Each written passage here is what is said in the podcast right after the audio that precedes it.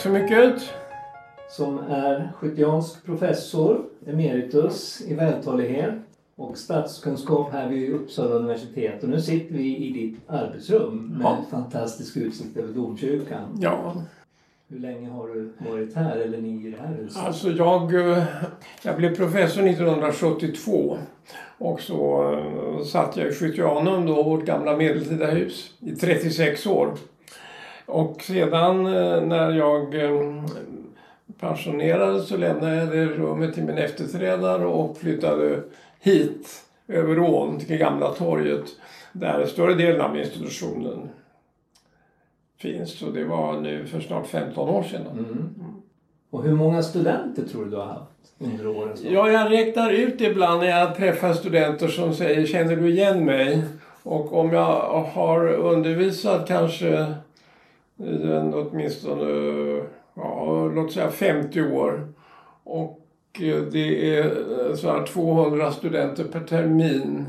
Det blir 100 terminer gånger två, det blir 20 000. Mm. Fantastiskt. För att jag, och då talar jag om grundutbildningen och för mig är det väldigt viktigt med eh, grundutbildningen. Jag har alltid, även när jag var ensam professor, nu är det ju så många, och ansvarig för forskarutbildningen, så hade jag alltid de grundläggande föreläsningarna på A-nivån. Jag tycker det är viktigt att studenterna träffar sin professor och så de får reda på vad ett forskningsperspektiv betyder. Men det är också lika viktigt för oss forskare att möta kritiska studenter Ja. som ifrågasätter och ställer de elementära frågorna. Mm. Så att eh, de här studenterna jag räknar nu är grundstudenter på A-nivån. Och sen har du varit eh, utomlands på konferenser och annat och fått Ja, utblickar. ja jo, alltså jag har visserligen varit i Uppsala större delen av tiden men jag har ju nu varit, jag har bott utomlands i olika länder, framförallt i USA.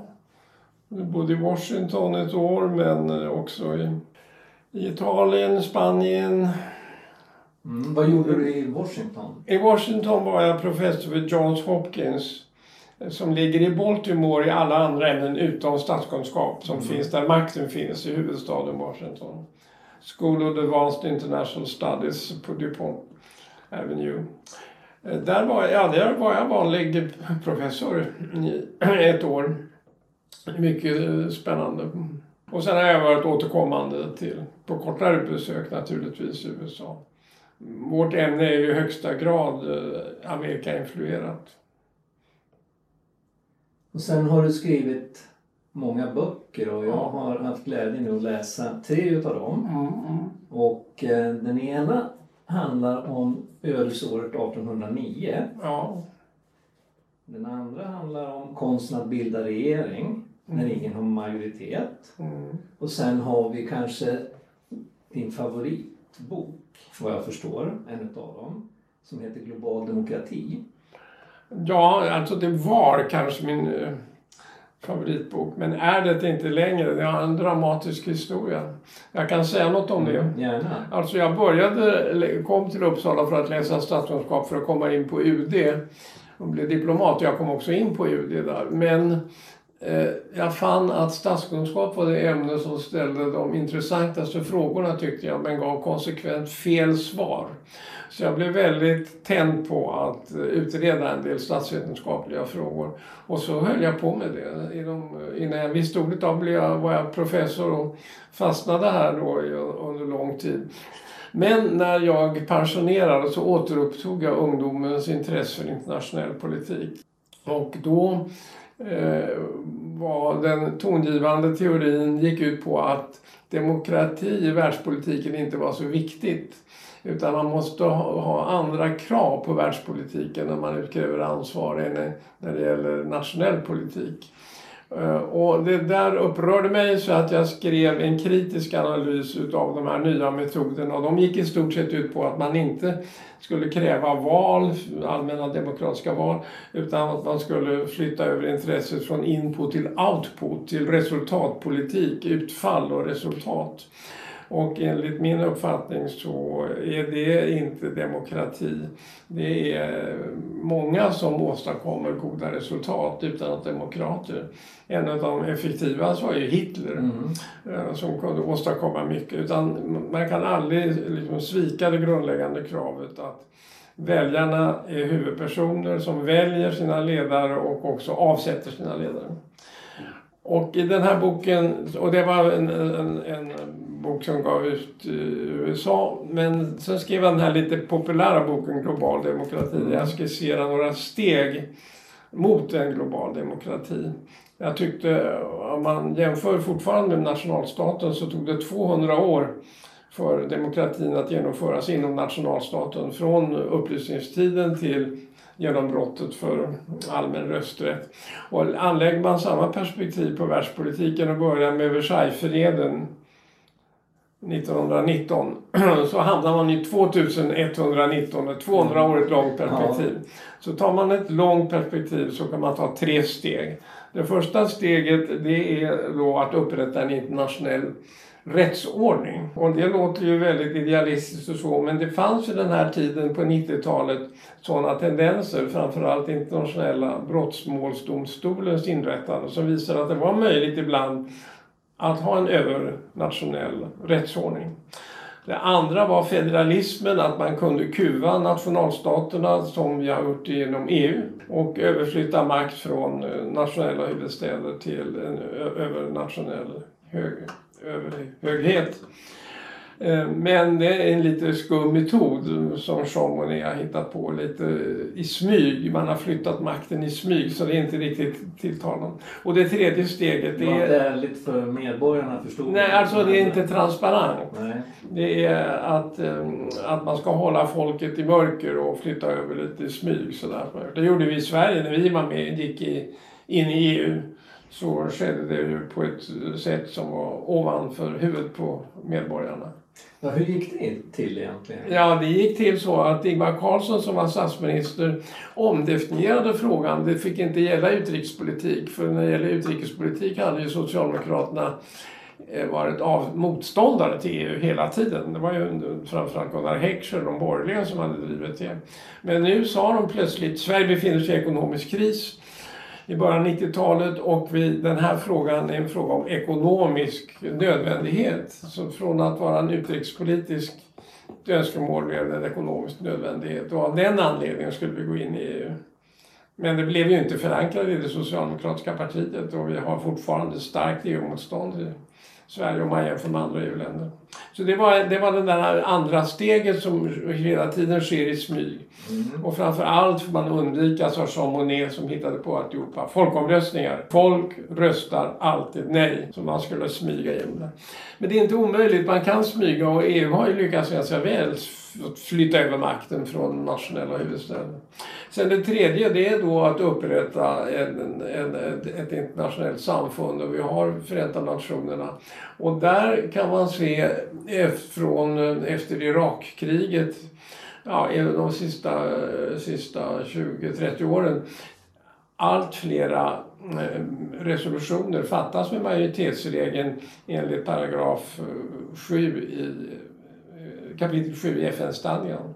Så att det är inte helt omöjligt. Men det där är, det, det är en svår sak och frågan är eh, hur det går. Ändå så, så är min bok då optimistisk. Att den var skriven, har jag brukar säga, under de tiden när världen var som bäst. Det vill säga mellan 9 november 1989 och 11 september 2001. Sen har det mörknat och när eh, Putin började med sin invasion i Ukraina så tyckte jag inte längre det var trovärdigt måste jag säga att eh, undervisa studenterna om en utveckling mot global demokrati. Jag blev mycket nedslagen och skrev ett brev till Svenska Dagbladet som de publicerade faktiskt som ledare då i mars efter invasionen i februari som heter Kan hoppet spira ur förtvivlan? Och jag undrar och det börjar helt enkelt att min världsbild har rasat och nu lägger jag om min undervisning. Och så slutade jag med att föreläsa om global demokrati. Och gick över till de frågor som jag har i de andra båda böckerna här. Mm. Som är den inhemska politiken. Hur rationella aktörer handlar för att förverkliga så mycket som möjligt av sina önskemål. Mm, intressant. Du skriver en del generella saker också i global demokrati och det kan vi ta upp lite senare. Men en sak som jag tycker är väldigt tänkvärt är att du skriver att för att avkrävas ansvar så måste politikerna haft reella valmöjligheter. Mm. Ja. Och, eh, ja, alltså tanken är, historien är ju inte förutbestämd. Nej. Utan eh, finns det inte valmöjligheter då kan man inte ja, utkräva ansvar utav dem. Men i allmänhet så finns det alternativ. Mm. Och vad har vi medborgare för nytta av det egentligen? Medborgarna har den eh, nyttan att man kan avsätta sina styresmän. Att eh, välja sina styresmän är inte så svårt. Det sker mm. överallt, även i diktaturer. Mm. Men det är bara i demokratier som man avsätter sina styresmän under fredliga former. Mm. I diktaturer och auktoritära system så är det statskupp eh, som gäller. Men, men eh, själva, om man ska spetsa till det, själva kärnan i demokratin, det är folkets rätt att avsätta mm.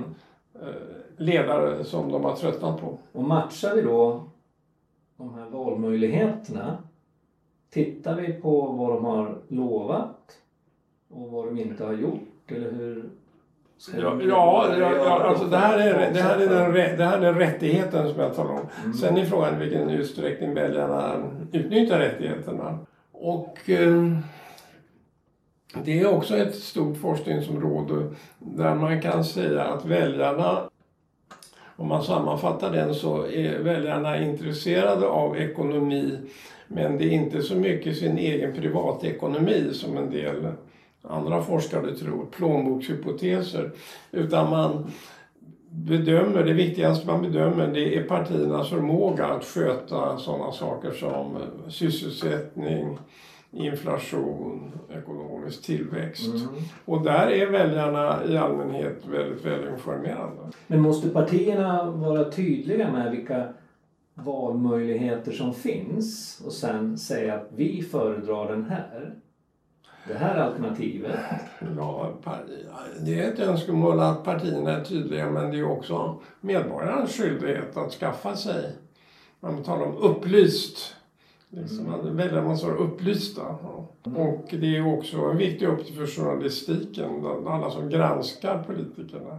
Så hela processen, hela den demokratiska processen syftar till att eh, ange tydligt för väljarna vilka alternativ som finns. För sen kommer vi in på de här frågorna som har uppkommit nu, sista decenniet. Det är egentligen att partierna träffar de här överenskommelserna ja. utanför riksdagen. Ja, ja. Och eh, vi har ju då decemberöverenskommelsen. Mm. Den skulle ju vara tänkt att gälla till 2022. men den upphörde redan 2015, efter ett år. Och sen har vi januariavtalet 2019, 2021. Och nu har vi Tidöavtalet. Ja. Och eh, alla de här baseras väl på regeringsformen och riksdagsordningen, mm. vallagen. Mm. Mm. Ja. Och eh, du ställer frågan i den här boken då, Konsten att bilda regering inom majoritet, hur vi hamnade här. Ja, ja. Och då tycker jag det är en väldigt spännande historia som jag inte riktigt haft klart för mig. Och att den börjar där före 1809. Ja, ja. Och eh, hur Sverige låg ganska risigt till. Mm. Danskarna och ryssarna tänkte lägga beslag på hela Sverige. Ja, eh, då, ska, vi ta, ska vi ta den nu? Ja, och då uppstår den här oron, verkar det som i Sverige. Ja. Vi hade haft mordet på Gustav III. Mm, mm, mm. Och sen händer en massa saker.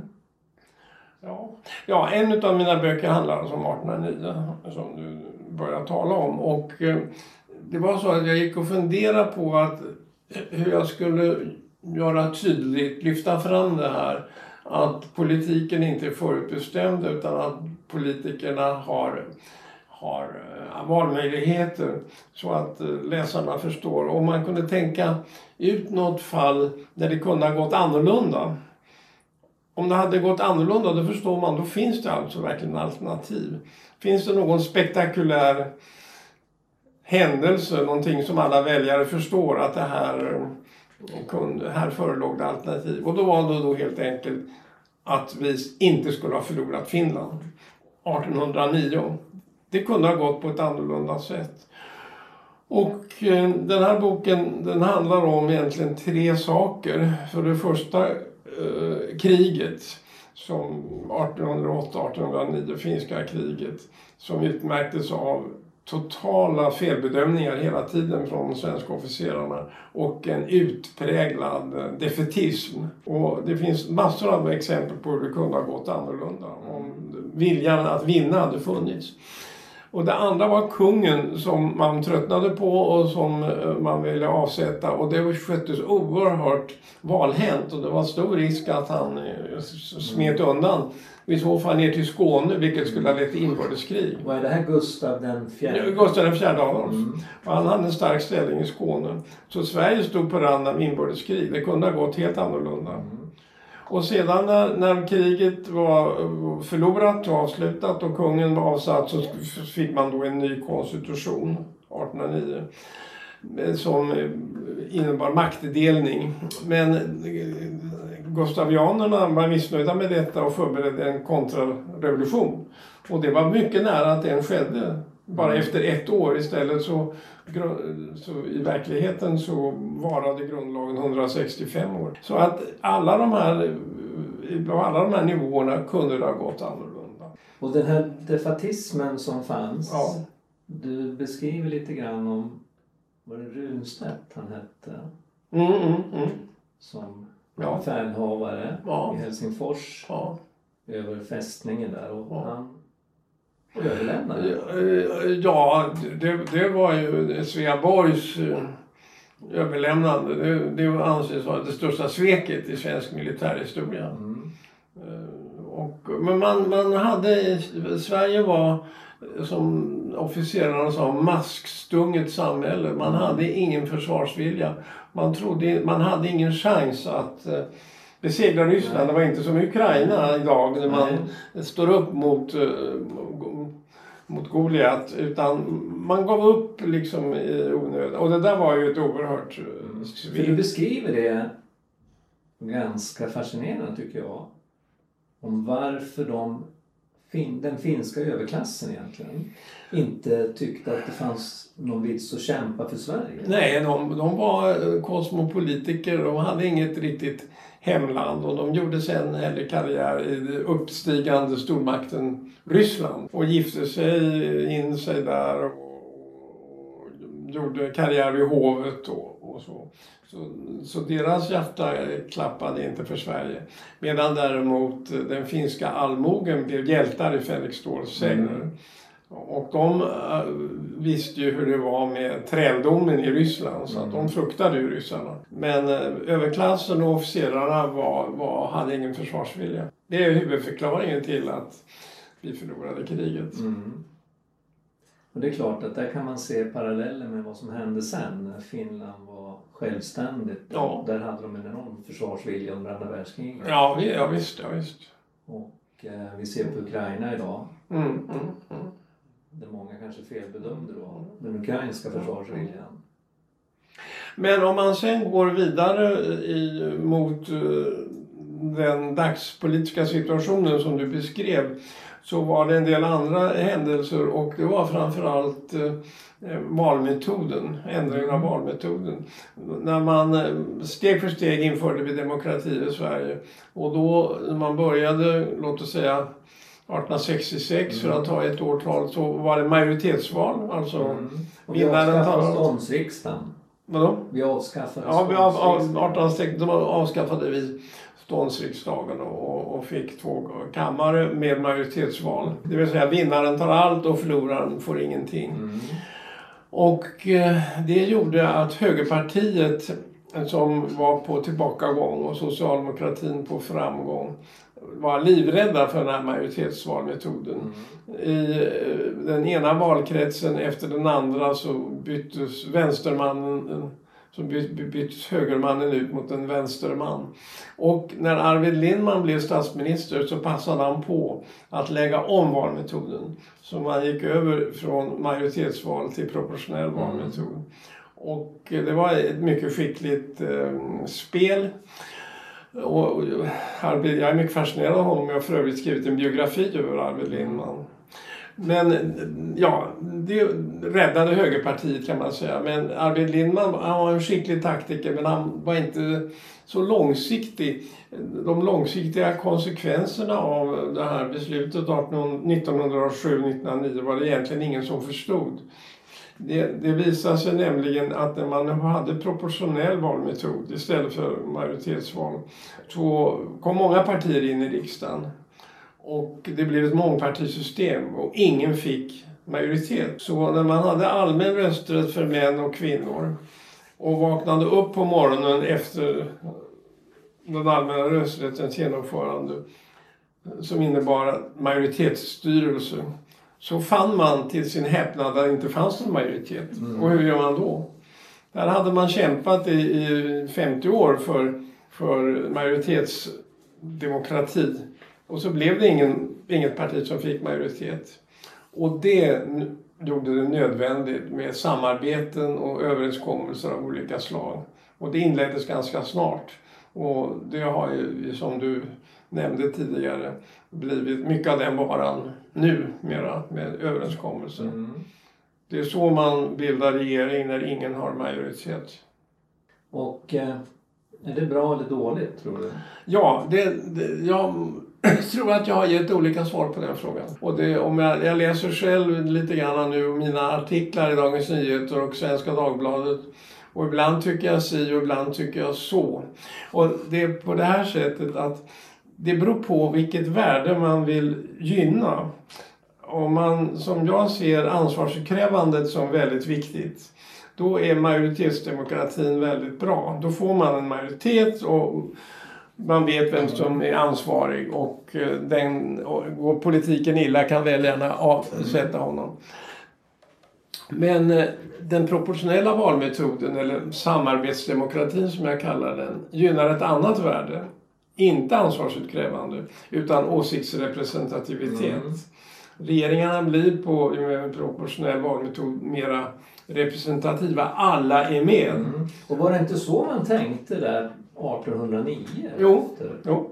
Det har gamla rötter. Alltså Ja. det här är moderna tankar, majoritetsdemokrati och samarbetsdemokrati. Men i den här, bo- den här lilla boken jag skrivit här Mm. Har jag visat att det går, har gamla rötter. Det går precis tillbaka till 1800-talskonservatismen Mm. som menade att eh, samarbete var det viktiga och inte Mm. strid. Inte konflikten. nej. Och inte konflikt. Ja. Men alltså är svaret att vilken, vilken metod ska man ha? Det beror på vad, vilket värde man eh, vill eh, gynna. Och länge var det ju så att Socialdemokraterna fullständigt behärskade scenen. Och eh, ibland regerade till exempel Göran Persson regerade tillsammans med Centerpartiet eller med Vänsterpartiet eller Miljöpartiet. Mm. Man visste inte riktigt vem som hade makten. Och var Miljöpartiet innanför regeringen eller utanför? Ibland stod det i propositionen att det här ärendet har beretts tillsammans med Miljöpartiet. Och sådär. I det väldigt oklara läget där det var svårt för väljarna att utkräva ansvar så förordade jag då att man skulle ha majoritetsmetod, klara tydliga linjer, makt och ansvar skulle följas åt.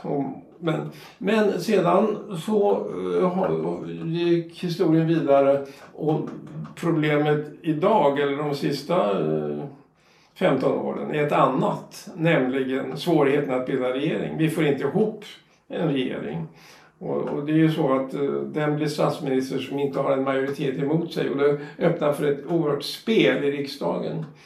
Och i det läget så tycker jag det talar mycket för ett samarbete istället. Om man då vill, vill, vill eh, att alla ska vara med, eller i alla fall de stora partierna ska vara med.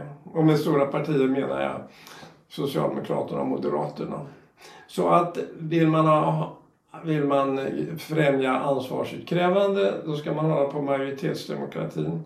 Vill man främja eh, istället åsiktsrepresentation då ska man hålla på den proportionella valmetoden. Så det finns inget entydigt svar utan det beror på vilket värde man vill gynna. Och vilket värde man vill gynna beror på den dagspolitiska situationen. Vad är diagnosen för Sverige idag? Idag är enligt min uppfattning diagnosen att det är svårt att bilda regering. Och det var ju då 2018 en fullständig karusell eh, snurrade runt där. Så Och att vi varför- har, vi har svårigheter att bilda regering. Och varför är det svårt att bilda regering? Därför att, eh, för att partierna låser sig. De låser sig i förväg och säger att under inga omständigheter vill jag bilda regering med den, eller med den, eller med den. Och i de utvärderingar vi har gjort av 2018 års regeringskris så kan man nog säga att politikerna, partiledarna eh, har tagit intryck av detta. Och i senaste valrörelsen 2022 var det många, till exempel Annie Lööf, som direkt hänvisade till statsvetenskapen när journalisten ställer frågan vill du bilda regering med Sverigedemokraterna eller vill du bilda regering med Moderaterna? Så Alltså att man kan inte låsa sig. Det är, inte, det är en missuppfattning bland många journalister. Man tror att man i Sverige väljer regering. Vi väljer inte regering, utan vi väljer partier. Och regeringen beror på förhandlingar. Och det gick lättare nu senaste gången genom att partierna inte var låsta på samma sätt. Om man, om, så att om man ska få eh, regering till stånd i det här läget så är det väldigt viktigt att partierna inte går på de här journalisternas fällor som gillras. Utan säger att eh, det här är mitt program, varsågod och rösta på det eller avstå från att rösta på det. Men förhandlingarna kan inte föregripas och valresultatet kan inte föregripas. Och på det sättet så kanske man kan komma ur det dilemma vi har hamnat i med, enligt min uppfattning, alldeles för många partier.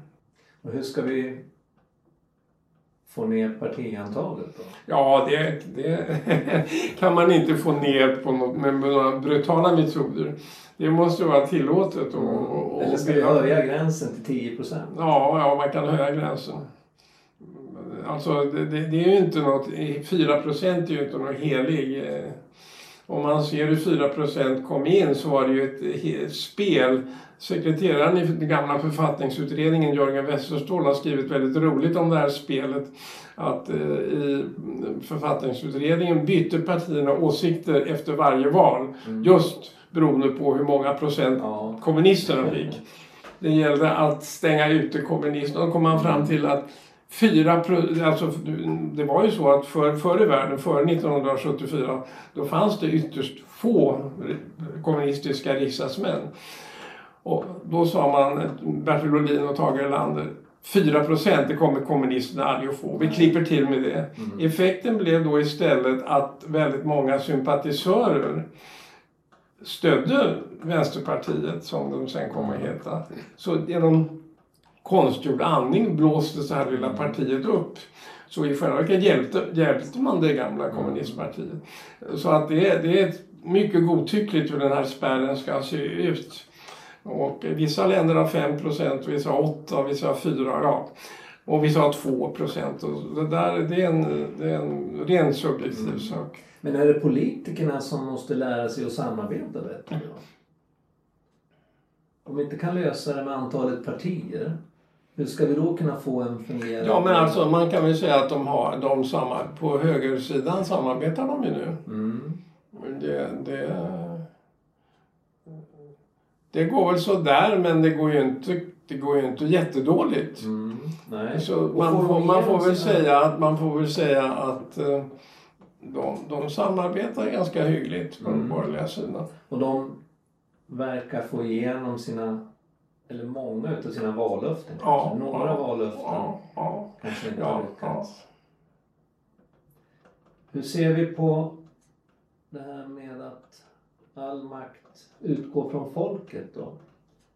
Det är ett partistyre i Sverige Mm. enligt regeringsformen. Och då blir det de politiska partierna som bestämmer. ja. Och eh, det man kan fundera på det är om vi har någon slags maktdelning i Sverige. Ja, I alltså- teorin eller i praktiken. Ja. Alltså ordet maktdelning används ju lite hur som helst. Den, den gamla mm, innebörden var ju att det var en uppdelning av makten mellan kungen och riksdagen. Mm, 1809. 18, den gamla regeringsformen. Sedan eh, när den till slut gick i graven och vi fick den nya 1974 då var det ingen maktdelning, den avskaffades. Parlamentarismen är motsatsen till maktdelning. I, i eh, den nya grundlagen från 1974 är all makt från folket hos riksdagen. Mm. Så att all makt är samlad hos, eh, hos riksdagen och ytterst hos statsministern. Så det är ingen, ingen maktdelning. Sen kan man ibland tala om maktdelning att eh, ämbetsverken, myndigheterna är självständiga och domstolarna är självständiga. Kanske till och med universiteten är självständiga. Men det är en liten annan innebörd. Mm. Den, den politiska makten är inte delad i Sverige Nej. utan den politiska makten ligger helt och hållet hos riksdagen och Mm. hos de partier som vi väljer. Och finns det någonting som begränsar riksdagsmännens makt? Ja, alltså det är ju grundlagen. Mm. Det finns ju vissa saker man inte kan införa med majoritetsregler. Man kan inte införa, inte införa dödsstraff till exempel. Nej, men de kan ändra grundlagen. Ja, man kan ändra grundlagen och om man ser internationellt så kan man ändra grundlagen ganska lättvindigt i Sverige. Så man skulle kunna göra det trögare. Man skulle kunna ha kvalificerad majoritet och ja, man skulle kunna ha lite... Men, eh, men mak, makten ligger hos riksdagen och riksdagen bestämmer inom ramen för vad grundlagen föreskriver. Och hur fungerar det då, tycker vi? Skulle vi ha, ska vi ha parlamentarism? Ja, ska det- vi ha maktdelning i Sverige? Nej, ja, Passar det oss att ha parlamentarism? Ja, det tror jag. Jag tror att... Eh, alltså vi, vi har ju... Vi har ju eh, monarki i Sverige. Och eh, jag tror den politiska eliten, opinionsbildarna, det- det- där är nästan alla republikaner. Tycker det är något konstigt och förlegat det här. Mm. Men man vill, man vill inte avskaffa det. Och hur skulle man göra då? Ja, då träffade man ju den här kompromissen, Torekov, att man Mm. skulle behålla kungen men klä av honom all makt. Mm. Att det bara ceremoniella och representativa uppgifter. Och det här med representation, representativa uppgifter är faktiskt ganska viktigt för de som eh, firar ett jubileum eller blir svenska medborgare eller nationella minnesstunder och sådär. Och eh, ordna stora fester och prisbelöningar och så. För de som är berörda spelar det stor roll att kungen är där. Så att det här sköts, tycker jag, väldigt bra. Mm. Att de, de, de, de representativa uppgifterna genomförs av kungen. Och det är det enda han gör. Medan all politik finns hos riksdagen. Mm.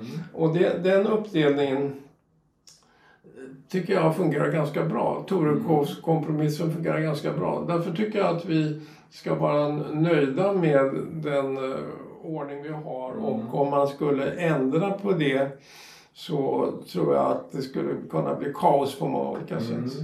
Men hade vi kanske haft en president utan makt som i Tyskland eller? Tror alltså problemet med att införa republik det är ju vem är det då som är ledare? Alltså kungen har ju ingen demokratisk legitimitet. Eh, ger man en president eh, legitimitet genom att han är folkvald är det då han, presidenten som är nummer ett Mm. eller är det fortfarande statsministern? Mm. Där ser man konflikten med parlamentarismen på en gång. Mm. Och eh, det tror jag svenska folket skulle tycka var ganska besvärligt att veta vem är som nummer ett. Om man då löser det på tyskt manér och har en helt anonym eh, president som ingen vet ens vad han heter så blir det inte lika kul med de här festerna och nationella minnes... Så att då skulle den representativa saken som jag tycker kungen sköter väldigt bra eller kronprinsessan så småningom eh, försämras. Så jag tycker nog att, att vi lever i något av den bästa av två världar Mm. med, med Torekovskompromissen. Men fungerar, tycker du, hur, eller hur fungerar det här med ansvarsutkrävandet i Sverige? Ja, Kan man svara något, något generellt svar på det? Eller? det, det, det, det är en, kunde, kunde vara bättre. Det, det, det är väl mycket mycket missbruk som, och kanske rent av korruption i många fall och missförhållanden som eh, förekommer där man skulle vilja ha mer ansvarsutkrävande, större transparens. Mm. Och här spelar ju den granskande journalistiken väldigt stor roll. Mm. Så att eh, nu, nu, nu om, om, man, om det är en pendel mellan ansvarsutkrävande och samarbetsdemokrati och vi har en samarbetsdemokrati nu för att vi ska bilda regering. Då har pendeln slagit så långt åt det hållet att det är kanske lite sämre med ansvarsutkrävande. Mm. Och eh, jag tycker man eh, kan se på tv ganska ofta skandaler av olika slag. Mm. Och eh, det gäller kanske framförallt i kommunerna där kommunrevisionen är, är ganska svag. Ja, Så att ansvarsutkrävandet, ansvarsutkrävandet är inte Sveriges styrka. nej, vi har ju ställts inför fullbordat faktum inom många områden. Försvaret till exempel. Mm, Det fanns inte efter ett tag. mm, Det mm, märker vi nu att det borde vi ha mm, haft. mm, mm. Eh, Det är lite märkligt när man läser Fredrik Reinfeldts memoarer att han, det finns inte en, en rad av ånger man rustade ner försvaret och sa att försvaret var ett särintresse. Nej. Utan man var bara duktiga, duktiga ekonomer. det, Så, så att eh, i efterhand måste man väl säga att det var en politik som var mycket obetänksam, mycket lättsinnig. det verkar som att experterna sa ju redan 2006 att det här kommer att hända Mm. förr eller senare. Ja, ja. ja det, och det finns ju många, många som varnade. Det, visst. Mm. Ja. Och då kan man undra, behöver vi hjälpa politikerna att tänka bättre? Skulle man kunna hitta på något instrument där vi på något sätt inför en metod Mm. som gör att politikerna inte får vidta vissa åtgärder innan man har kontrollerat vad det här kommer att innebära. Ja, Man har en ja. öppen dialog om det här. Ja, Försvaret till exempel Mm. var det väl ingen som sa nej. Vi hade inget lagråd som tittade på den frågan. Lagrådet tittar ju på... Ja, la- Lagrådet är ju en, en utmärkt sån kontrollinstans. De Jag, tittar ju aldrig på budgetfrågor Nej, eller nej, nej. försvarsfrågor. nej, nej, det är lagenligheten. Ja. Eh, Men rent allmänt är jag eh, skeptisk mot såna här eh, arrangemang. Att man återinför så att säga första kammaren med kloka personer som ska säga. För att det visar sig att såna här ja, en, en senat eller någon överrock som ska sitta och Mm. kolla nästan alltid driver sina egna ideologiska intressen. Om man titt- tittar på hur sånt fungerar så är det förtäckt politik. Och, och, och ofta är det då konservativa jurister som driver högerpolitik. Mm. Eller man kan i, i Sverige tänka sig gamla gråsossar som sitter och Mm. försöker smussla in in sina tankar. Jag, jag, jag, jag, jag, är, jag, jag, jag tror på parlamentarismen eh, trots allt. Mm. Och hur ska man göra för att politikerna ska ha en bra förmåga då att eh, förändra samhället till det bättre? Alltså den, den, den, demokratins eh, främsta livsluft är den offentliga debatten. Och, och också där massmedierna spelar väldigt, väldigt stor roll. Mm. Jag tycker som sagt det var väldigt roligt helt enkelt att se eh, hur lärorikt eh, partiledarna tyckte det var att ta del av erfarenheterna från 2018 och att de skärpte sig 2022. Mm. Att, att eh, man har en öppen samhällsdebatt som gör att forskare och andra journalister och andra Mm. granskare har en dialog med politikerna och att vi i allmänhet har duktiga Mm. politiker, åtminstone på högsta nivån, Mm. som är lyhörda för, för sådana kritiska synpunkter, eftertanke. För vad ska samhällsdebatten handla om egentligen då? För att nu har... Ja, det här var ju en sån fråga. Ska eh, partierna binda sig i förväg för sina samarbetspartner? Mm. Och där är ju mitt råd entydigt nej. Mm. Men, men det, det är sådana där, såna där frågor tycker jag debatten ska handla om. Om man tar till exempel väldigt viktig opinionsbildning är ju Agenda, de här tv-programmen och, och 30 minuter och allt vad de heter. Där tycker jag det är väldigt viktigt att det är politikerna som får bestämma vad det är för frågor som tas upp. Så det inte blir journalisternas preferenser som bestämmer vilka frågor man tar upp. Och det visar sig ju nu när man, som kollegorna i Göteborg har tagit reda på, att i allmänhet så är det de viktiga politiska sakfrågorna som dominerar de här programmen. För nu är det väl någon politiker som har tagit upp det här med hunger. Att barn går hungriga. Ja, det är Lena Andersson. Så. Och sen har Lena Andersson, en journalist, bemött det här och skrivit om det Ja. här. Vilket i sin tur har lett till Ja, eh, Ja, ja. uppmärksamhet. ja. Och eh, då är ju frågan, hur ska man föra den politiska debatten? Mm. Ska man anstränga sig att tala om saker som man kan verifiera i fakta? Mm. Ska Mm. man försöka Ja. underbygga sina olika uppgifter med, med att det här är verklighet? Mm. Det tycker jag. jag, jag alltså att man har en eh, belägg för sina påståenden och att man har en faktabaserad offentlig diskussion. Det är ett adelsmärke i Sverige tycker jag. Och, och överhuvudtaget politik, vår politik är väldigt eh, väl i allmänhet förankrad i utredningar som närmast har eh, doktorsavhandlingskaraktär. Mm. Må- Många av de gamla offentliga utredningarna som ligger till grunden för det svenska välfärdssamhället har skrivits som doktorsavhandlingar i statskunskap eller nationalekonomi. Så att fa fakta och eh, det, det är A och O, att det finns någon empiriskt stöd för Mm. vad man hävdar. Är det ett riktmärke för bra politik? Ja, ja. Men jag tror, och, och, om man jämför med internationellt så här.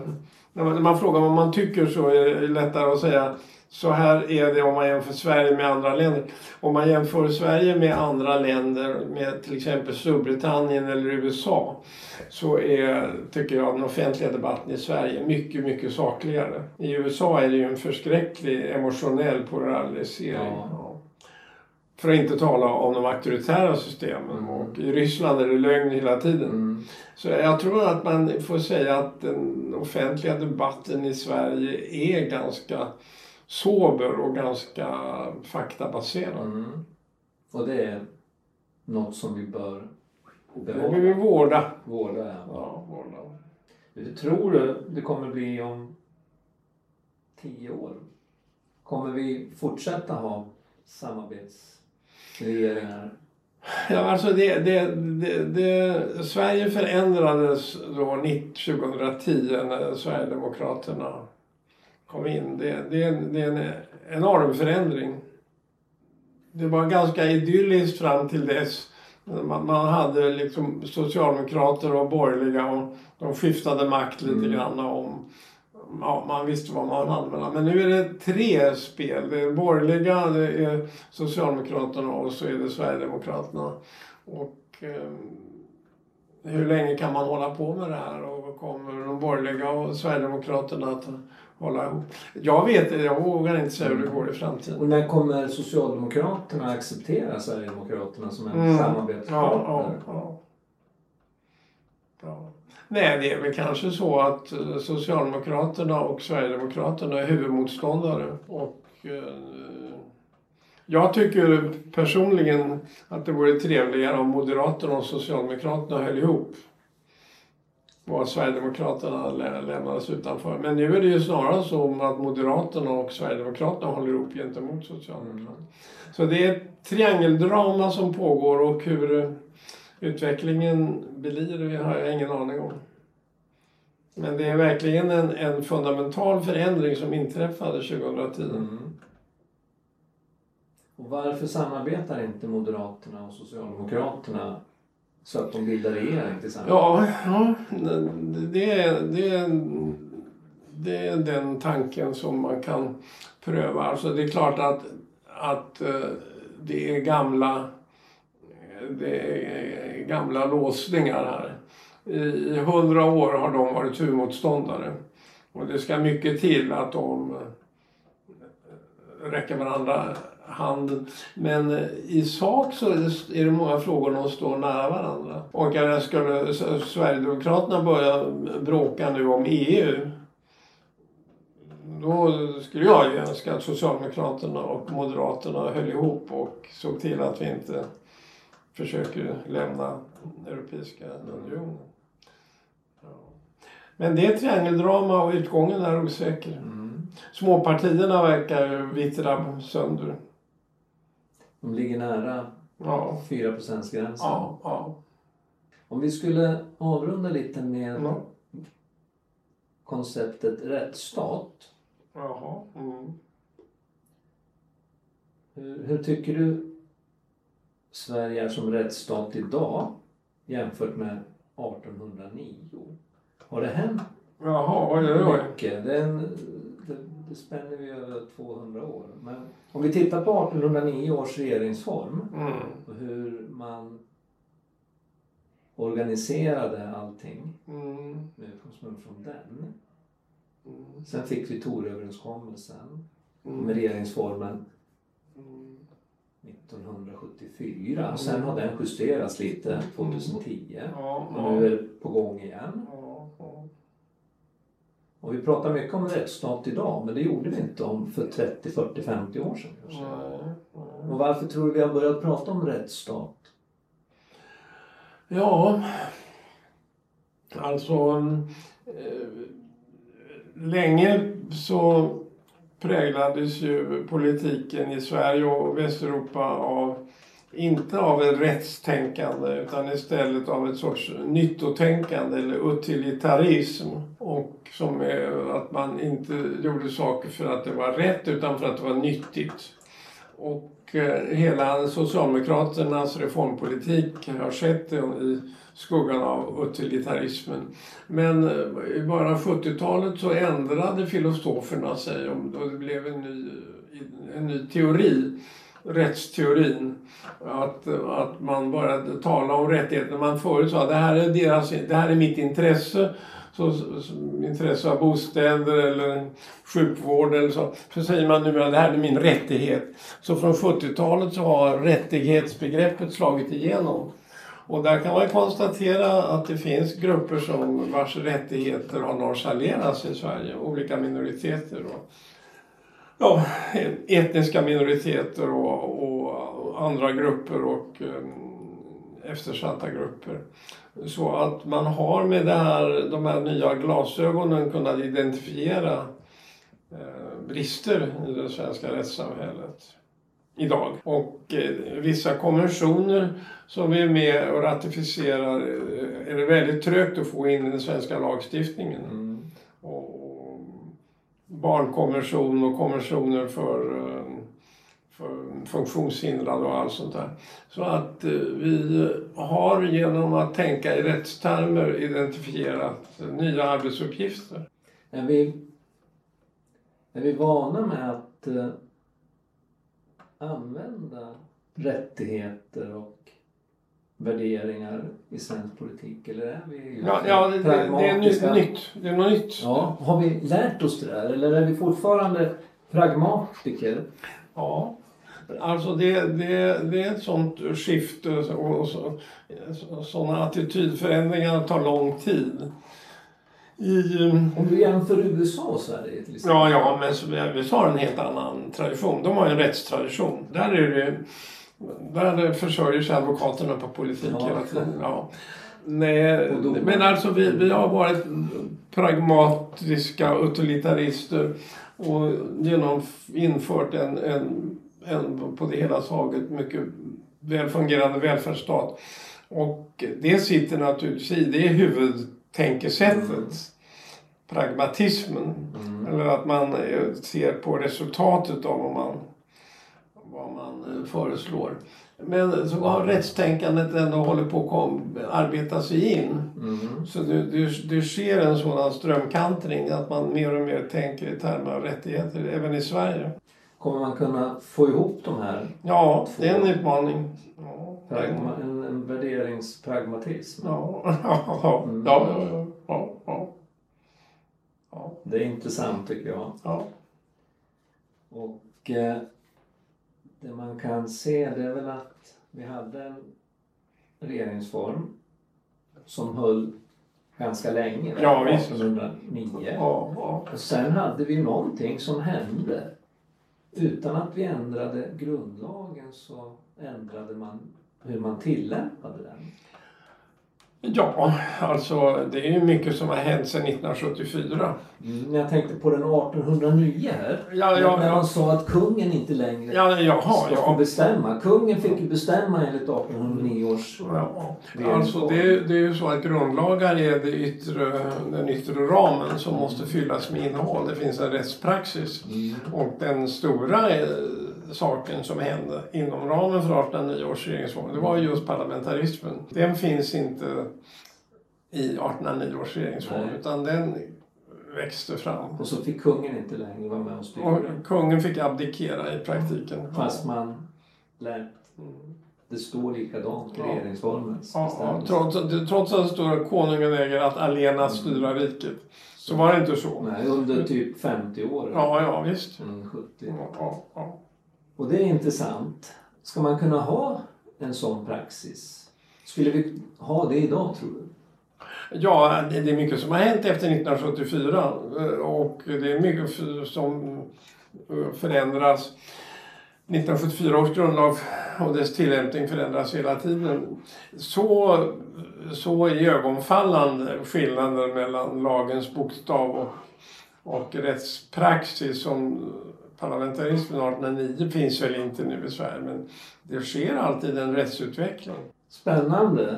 Vi får se vad den för oss då. Ja, och den, den frågan som, eh, för att knyta ihop det, eh, då kastar sin skugga över också 1974 års grundlag, det är ju valmetoden. Ska vi fortsätta med den proportionella valmetoden med alla små partier Mm. och de svårigheter som kommer som ett brev på posten att bilda regering? Ja, och hur ska vi kunna ha det med ansvarsutkrävande? Ja, Hur ska vi medborgare veta vilka alternativ de erbjuder Ja. och vilka ja, som är bäst? ja. Ja. Ska vi stanna vid det? ja det är väl en, får- en viktig uppmaning till framtida tänkare. Tusen tack för att du kom. Tack så mycket, det var roligt att prata svin. Ja. Tack så mycket.